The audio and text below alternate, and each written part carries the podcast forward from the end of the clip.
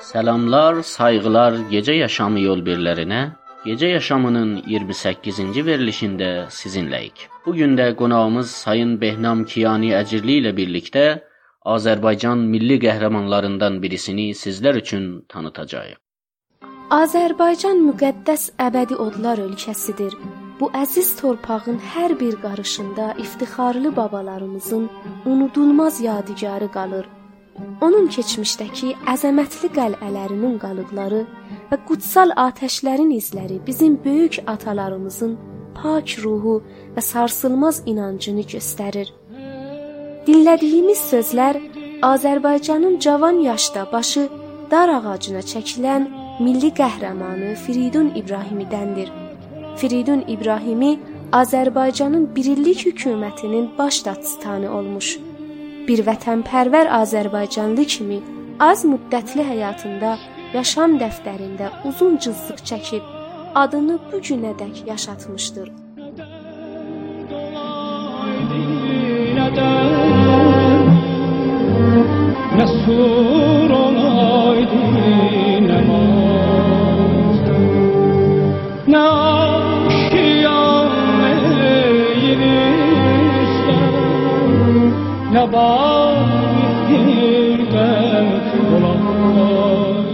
Verilişimizin konusu isə qürurla dar ağacını çöktürən Firidun İbrahiminin yaşam tanıtımı olacaqdır. Belə desək, Azərbaycanımızın milli demokratik hərəkətinin rəhbərlərindən biri olmuş Gəni oğlu Firidun İbrahimi 1918-ci miladi ildə noyabr ayının 21-də Astara şəhrində anadan olmuşdur.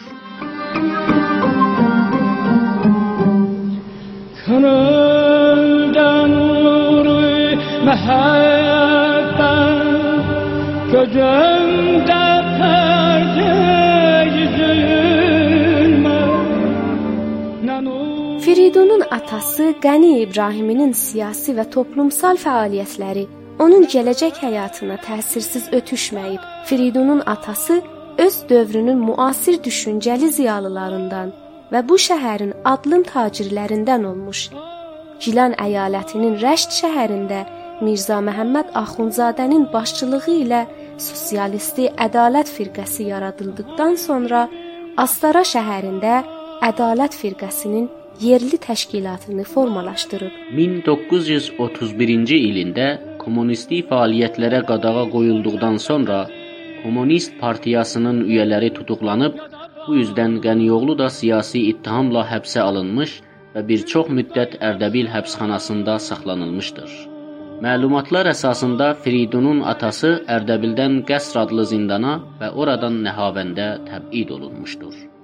Firidun atasının himayəti altında Astarada 9-cu klası qurtardıqdan sonra Ənzəliyə gedir və 10-cu klası orada qurtarır. Bundan sonra Təbrizə gəlir 12-ci klası da bu qocaman şəhərdə bitirir.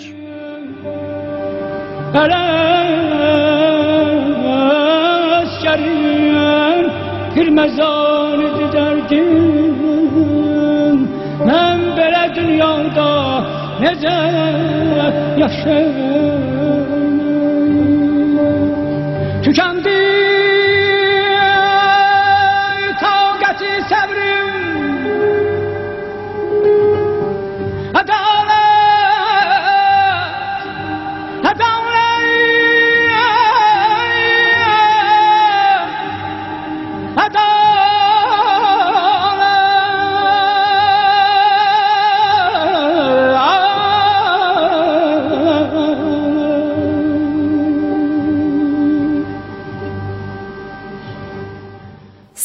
fəaliyyətlərini davam edən Freydun 1943-cü ildə İran Xalq Partiyasının üzvü olub. O ali təhsil almaq məqsədi ilə 1942-ci ilində Tehran Universitetinin Hüquq fakültəsinin siyasi hüquq ixtisası üzrə öyrəncisi olmuşdur.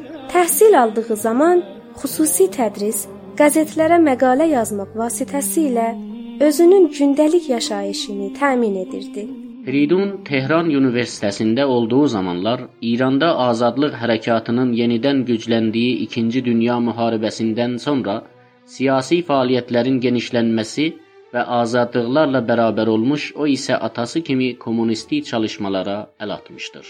O, öyrəncilik illərində inqilabi hərəkətlərə qoşulub 1941-ci ilində İranda Tudə partiyasının üzvləri sırasına qoşuldu və bu hizbin fəal üzvlərindən biri olmuş. O Tehranda təşkilat vərindən yayımlanan gündəliklərin rəhbər, mərdum və İran Xalq Partiyasının ürgəni olan Xavər No qəzetinin redaktoru oldu. Fridun İbrahimi türkcəni, ərəbcə, fransız və farsca dillərini mükəmməlcəsinə bilirdi. O üzdən jurnalistlikdə güclü çalışmaları və kəsərli siyasi yazıları olurdu. O İran Tudə partiyasının rəsmi qəzeti olan Rəhbər qəzetində, antifaşist olan Mərdum qəzeti və İran Fəhrələr Birliyi qəzeti olan Zəfər Azərbaycanda isə Yeni Şərqlə Azərbaycan qəzetlərində və sair demokratik nəşrlərdə toplumsal və siyasi sorunların analizi üzrə çoxlu məqalələr yazdı. Böyük inqilabçı Seyyid Cəfər Pişəvərinin əli ilə 1943-cü ildə Ajir qəzeti işə başladıkdan sonra həmin qəzetlə əməkdaşlığa başlamış və bu ildə qəzetin idarə heyətinin üzvlüyünə seçilmişdir. Gənc yazar məqalələrində imperializm, irtica və ölkə daxili satqınlarını ifşa edirdi. 1945-ci ilin may ayında hüquq fakültəsini bitirdikdən sonra Freydun İbrahimi İran Xarici İşlər Nazirliyi və İttilaat qəzeti tərəfindən dəfələrlə iş təklifi alsa da, xalqına xidməti özünə əsas vəzifəsi hesab edərək bu təklifləri onlardan qəbul etmir və öz ana yurdu Azərbaycana qayıdır. 1941-ci ildən sonra mərkəzi hökumətin dözülməz zülmünə qarşı ardıcıl mübarizə aparan Azərbaycanlılar inqilabi hərəkata rəhbərlik etmək üçün Tehrana dəfələrlə telqraf qurub pişəvərini Təbrizə dəvət edirlər. Nəhayət o 1945-ci ildə Təbrizə gəlir yerli inqilabçılarla birlikdə Azərbaycan Demokrat firqəsini təşkil edir. İrticaya qarşı və azadlığa addımlayan millət özünü qurtarmağa çalışırdı. Lakin Azərbaycan Demokrat firqəsi bütün Azərbaycanın iradəsini təmsil edən mübariz bir təşkilat oldu və firqənin rəhbərliyi ilə xalqın inqilabi hərəkatı öz nəticəsini verdi. 12 dekabr 1945-ci ildə Azərbaycanın Milli Məclisi Seyid Cəfər Pişəvərinin başçılığı ilə Azərbaycan Milli Hökumətinin təşkilini elan etdi. Belə deyək ki, Azərbaycan Demokrat Firqəsi təşkil olduqdan sonra Firidun İbrahimi də onun sıralarına qoşuldu. Firidun İbrahimi Azərbaycan Demokrat Firqəsinin Təbrizdə 1-ci qurultayında iştirak edən 237 nəfər Azərbaycan xalq nümayəndələrindən biri olmuş. O 1945-ci ilinin sentyabr ayının 3-də Azərbaycan Demokrat Firqəsinin mərkəzi komitəsinə üyə, eyni zamanda Azərbaycan Milli Məclisində vəkil və 1945-dən 1946-cı illərdə Azərbaycan Milli Hökumətinin baş prokuroru ya həmən datsitanı olub. Firidunun Azərbaycan danışır adlı silsilə məqalələri tarixi keçmişimizi bir daha xatırladaraq xalqı azadlıqlar uğrunda döyüşlərə ruhlandırdı. Milli hökumət ilk gündən başlayaraq Azərbaycanlıların bir sıra iqtisadi, toplumsal və mədəni hüquqları ilə bağlı islahatlar keçirməyə başladı.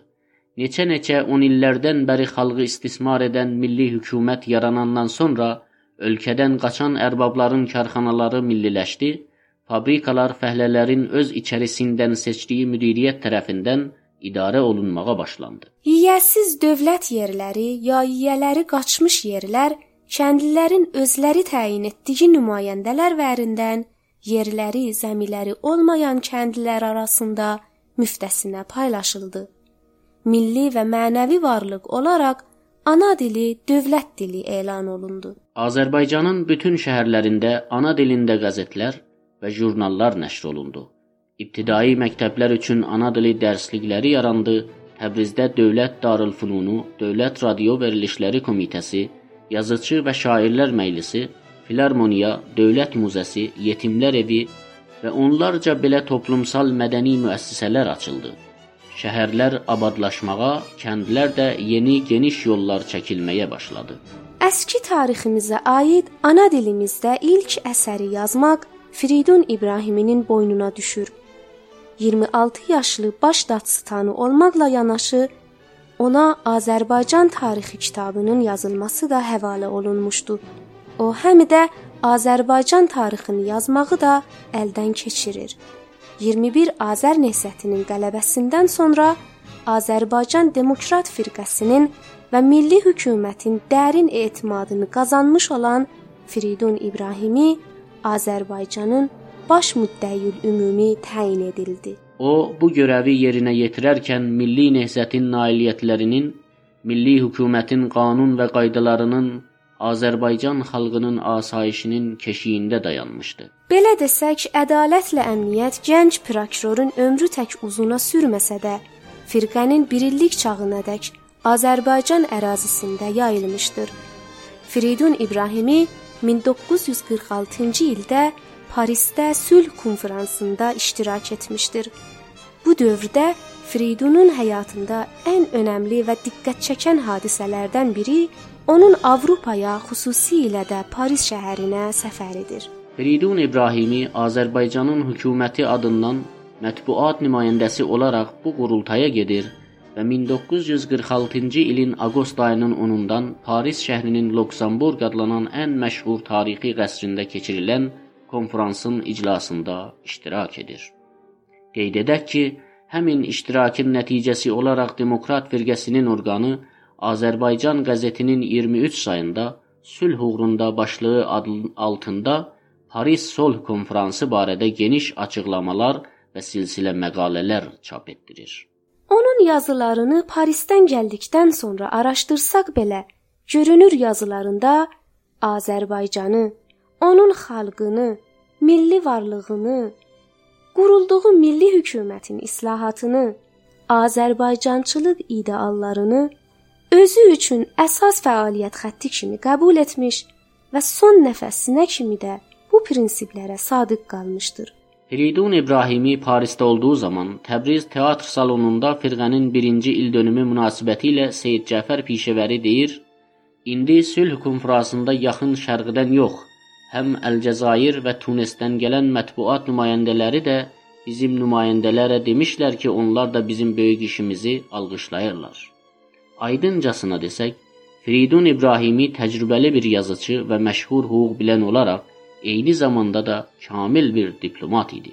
Firidun İbrahimi milli hökuməti çökdürmək istəyən terrorçu qruplara qarşı mübarizə aparan Babəkçilər ocağında əlləri ilə od yandırıb Babək adlı könüllü dəstələrin təşkilatçısı olur.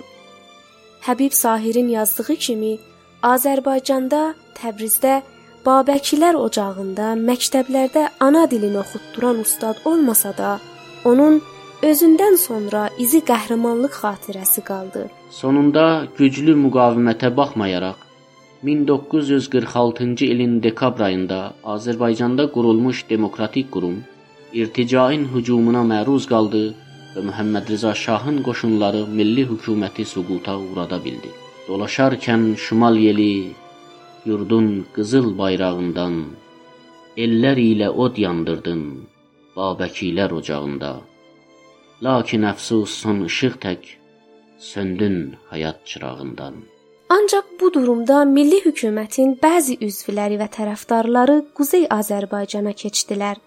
Amma Firidun İbrahimi isə öz yurdunda qalmağı seçdi. O həyatının son anlarında yenə də mübarizəsini davam etdirmək fikrində idi.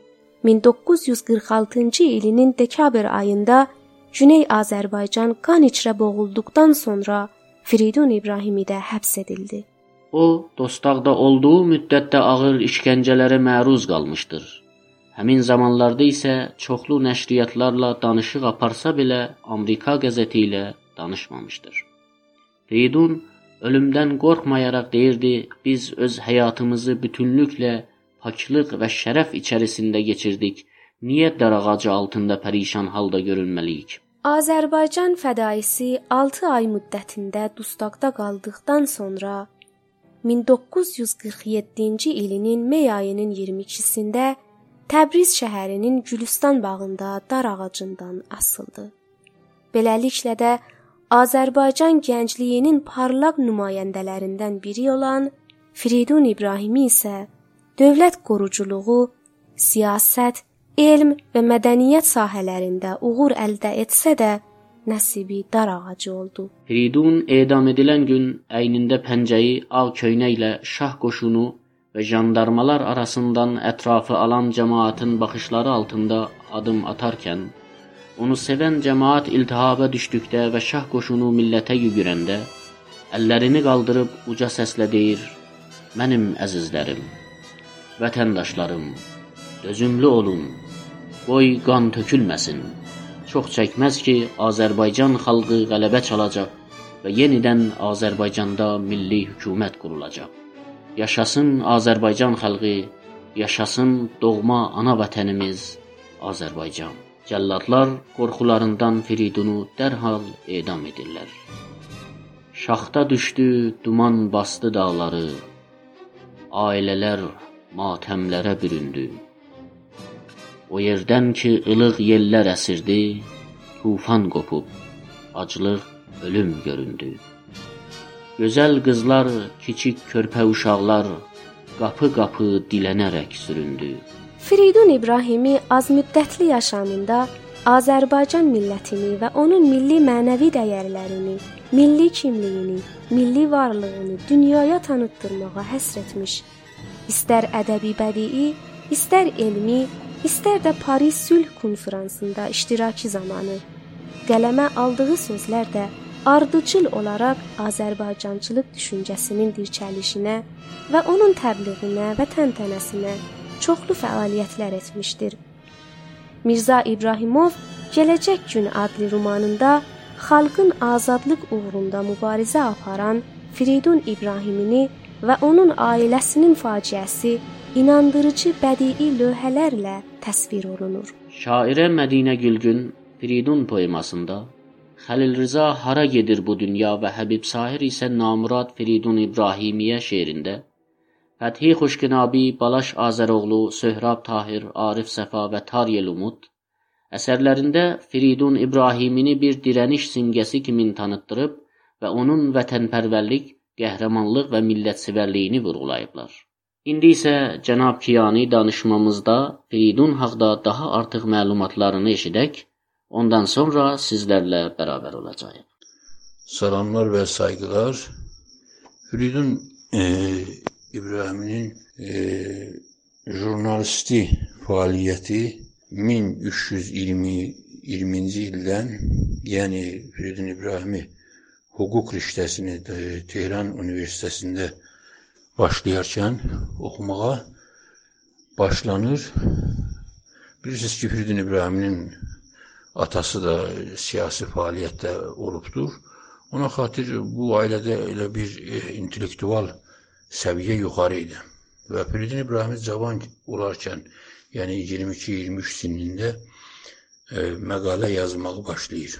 Sonralar o e, Seç Cəfər Bişəvər ilə e, Ajir ruznaməsində e, əməkdaşlıq edir və orada da e, bu məqalələri yazır və ümumən də orada e, aşağı təbəqələrin və e, kasb təbəqələrin e, istəklərini və onların haqqlarının və hüquqlarının e,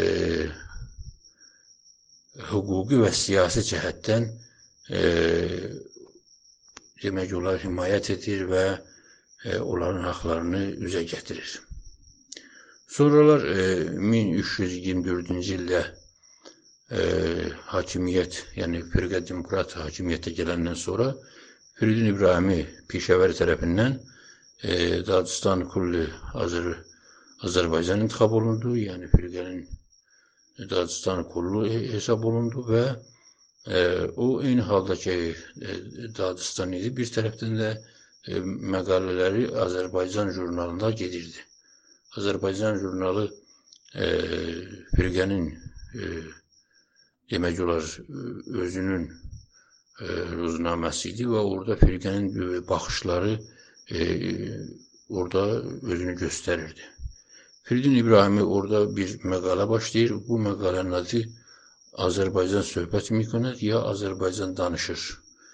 Belə bir ünvanla Firidun İbrahimi Azərbaycanın tarixinə gəlir, orada nəzər salır və tarixi Mad dövrəsindən başlayır və Madların e, türk olduğunu və e, üçün orada o operin nəzəriyyəsinə və Marın nəzəriyyəsinə istinad edir. Bilirsiniz ki, opert və Mar e, ümumən e, fikirləri bu idi ki, Maddılar və Sumerlər türk idilər və türk mənşəli idilər.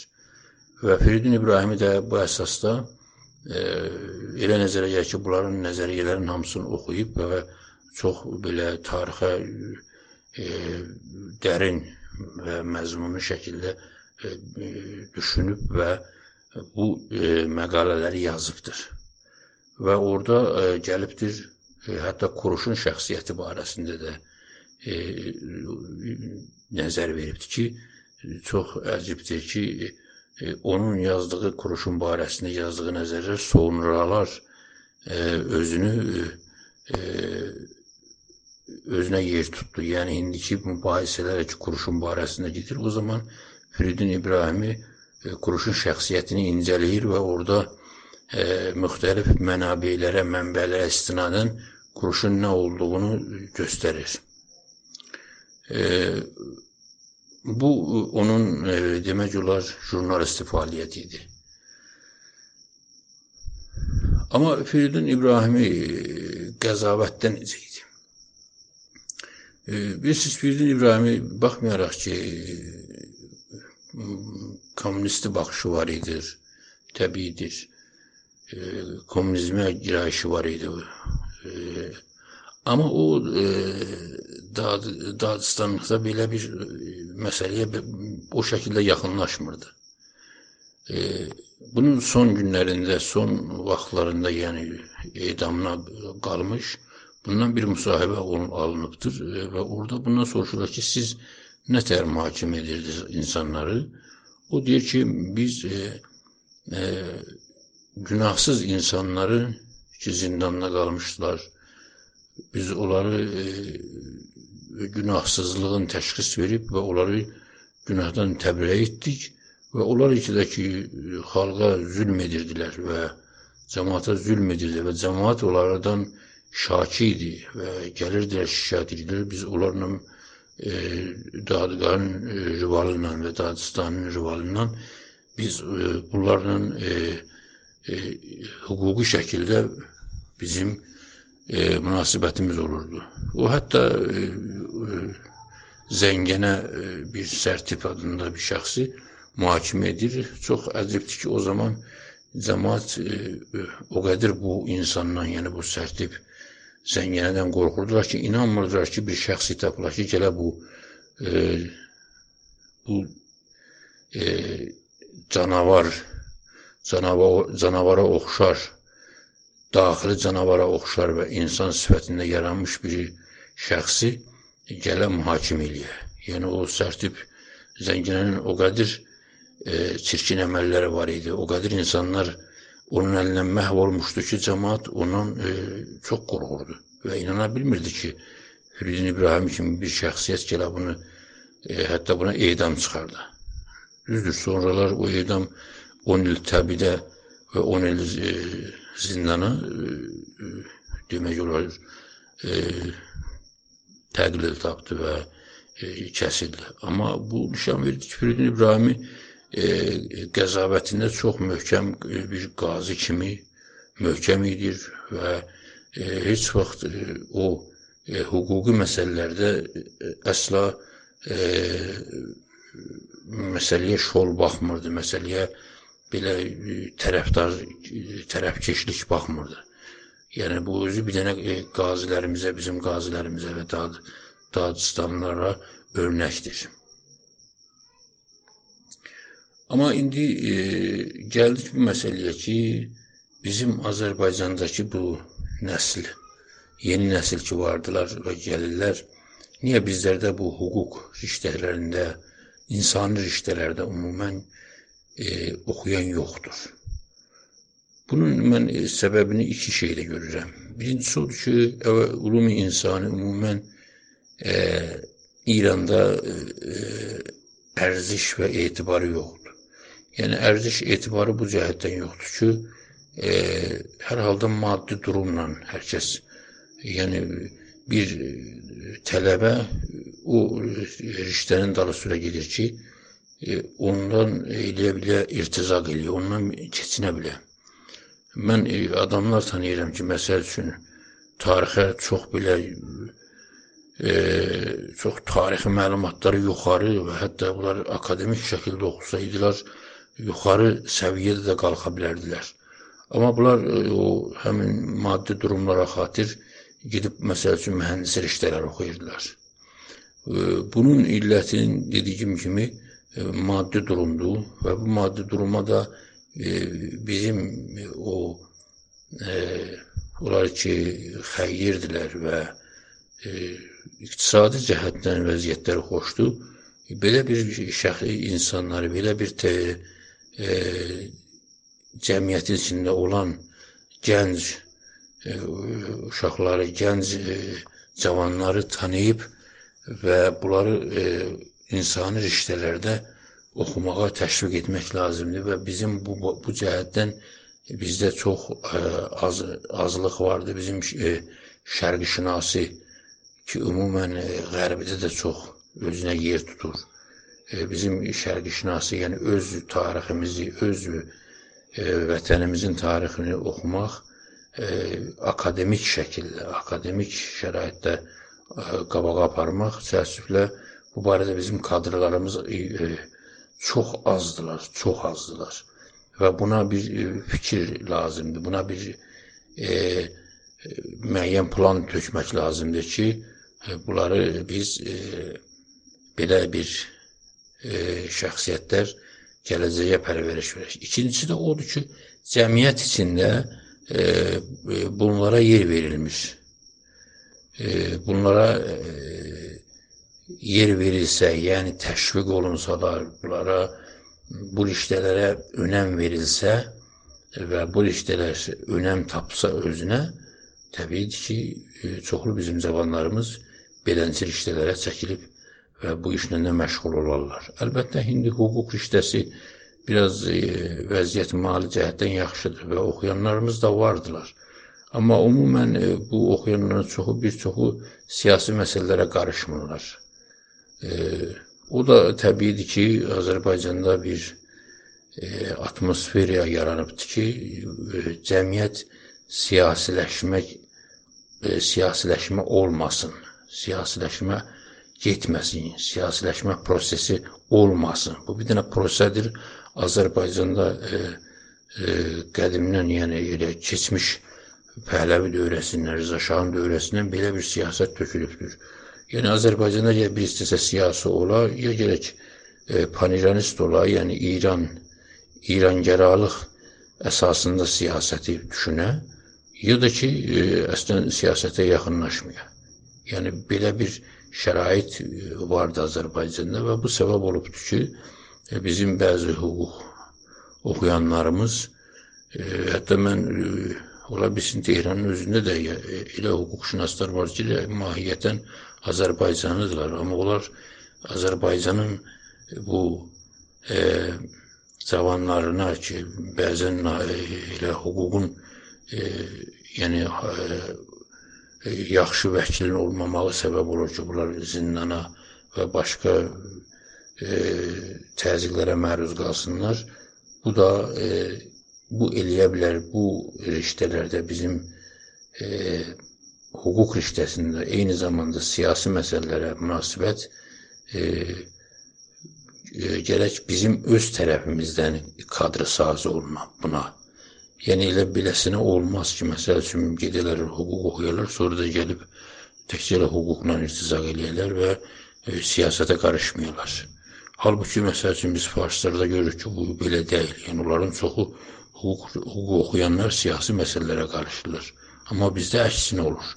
Ya gedirlər bunlar İran paniranist huzəsində gedib e, fəaliyyət edirlər ya da ki, əslən e, siyasəti buraxıb təkcə hüquqla məşğuldur. Onun da səbəbi odur ki, e, çünki bu e, bir e, e, əllərlə bir e, şəraitlə gedib bunlar oxumalıdırlar. Bunlara bir e, nahad yaranmalıdır. Bir e, necə deyirlər belə e, fond yaranmalıdır ki, bu fondlarda bunlar həm hüququ oxuyarkən eyni halda da e, Azərbaycanın siyasi məsələlərini və ictimai məsələlərini də mənimsəyirlər. Çox sağ olun, yaşayın. Sağ olun, Sayın Behnam Kiyani Əcirli, Azərbaycan Demokrat Firqəsinin baş dadzitani Firidun İbrahiminin yaşamını daha tanıtmanız üçün çox-çox təşəkkür edirik. İndi isə gəlin Həbib Sahirin Namurad Firidun İbrahimiyə şeirini birlikdə dinləyək.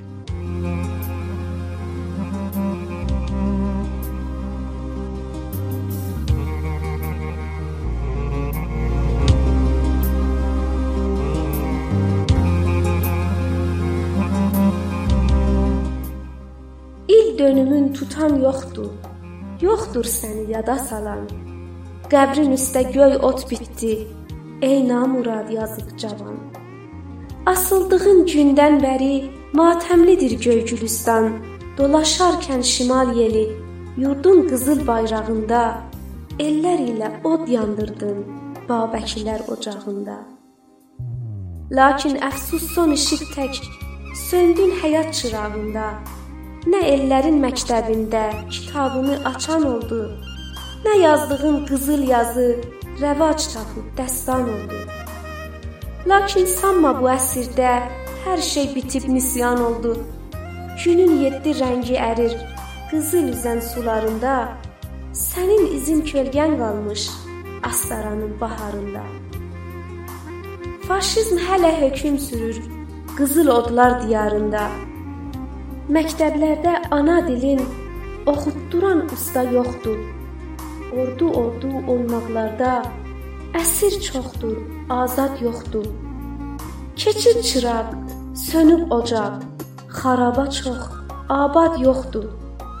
Getdim baba diyarına, gördüm bayquş fikrə dalıb. Qəbrin üstə axşam çağı, payız günü şəfəq salıb. Səndən yoldaş xatirələr dərinsizi canda qalıb. Əzrailə qılınc çəkim, yenə bir gün öləcəyəm. Çıraq kimi ya bir axşam, ya bir səhər sönəcəyəm. Bilirəm ki, yer altında toz torpağa dönəcəyəm. Bununla belə əminəm ki, nur zülməti boğacaqdır. Ən nəhayət üfüqlərdən qızıl günəş doğacaqdır. Daş nə qədər bərk olsa da, isti soyub oğacaqdır. Əziz dinləyicilərimiz, bugünkü vaxtınızı bizə ayırdığınız üçün çox sağ olun. Beləliklə də 28-ci verilişdə belə sona çatır. Siz əziz gecə yaşamının dinləyicilərindən bizlə yolbir olduğunuz üçün minnətdarlığımızı bildiririk. Umuruq bu verilişdə keçmişlərə tay sizlər üçün faydalı olmuş olsun. Verilişlərimiz barədə tənqidlərinizi, fikirlərinizi və önərilərinizi və istədiyiniz mövzuları bilmək üçün hər zaman eşitməyə hazırıq. Siz əzizlər, olan ilgi vasitələrlə bizlərlə əlaqə qura bilərsiniz. Mən Mehdi Miyabli və mən Saray Tahiri, Əfşin Məhəmmədi, Əmin Kərimi, Səid Azad və Səccad Muslimi ilə birgə bu verilişi qulluğunuza sunduq. Sağ olun ki, bizlərlə varsınız. Gələn verilişlərə dək hələlik.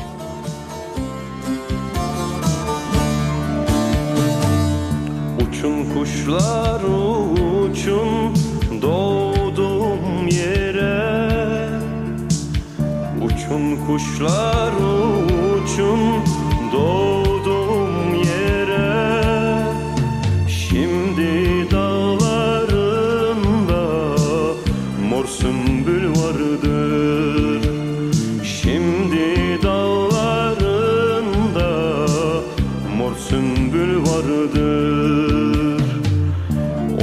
Dağlar koynunda bir serin dere. Ormanlar koynunda bir serin dere. Dikenler içinde sarı gül vardır Dikenler içinde sarı gül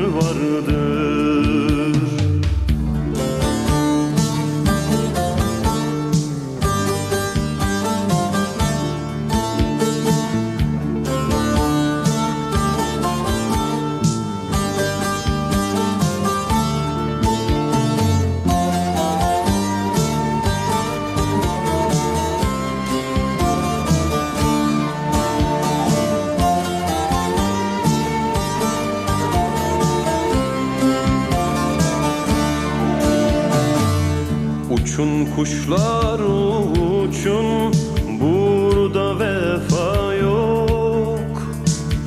Uçun kuşlar uçun